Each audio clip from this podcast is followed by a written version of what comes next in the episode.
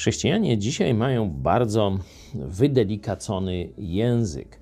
Mówią, że nie należy obrażać, nie należy nie na, używać takich brzydkich słów i tak. E, oczywiście nie można epatować e, tego typu określeniami, ale całkowite wyrzucenie ich z języka chrześcijańskiego może powodować, a ja twierdzę, że powoduje, osłabienie komunikacji chrześcijańskiej.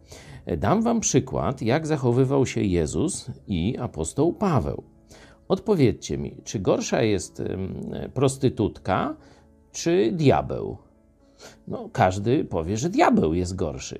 I zobaczcie, Jezus, Ewangelia Łukasza 3,7 mówi e, do swoich odbiorców: Dzieci żmii, czyli syny żmii. A apostoł Paweł e, w 13 rozdziale dziejów apostolskich, werset 10, mówi do e, pewnego człowieka: O pełny wszelkiego oszustwa i wszelkiej przewrotności, synu diabła.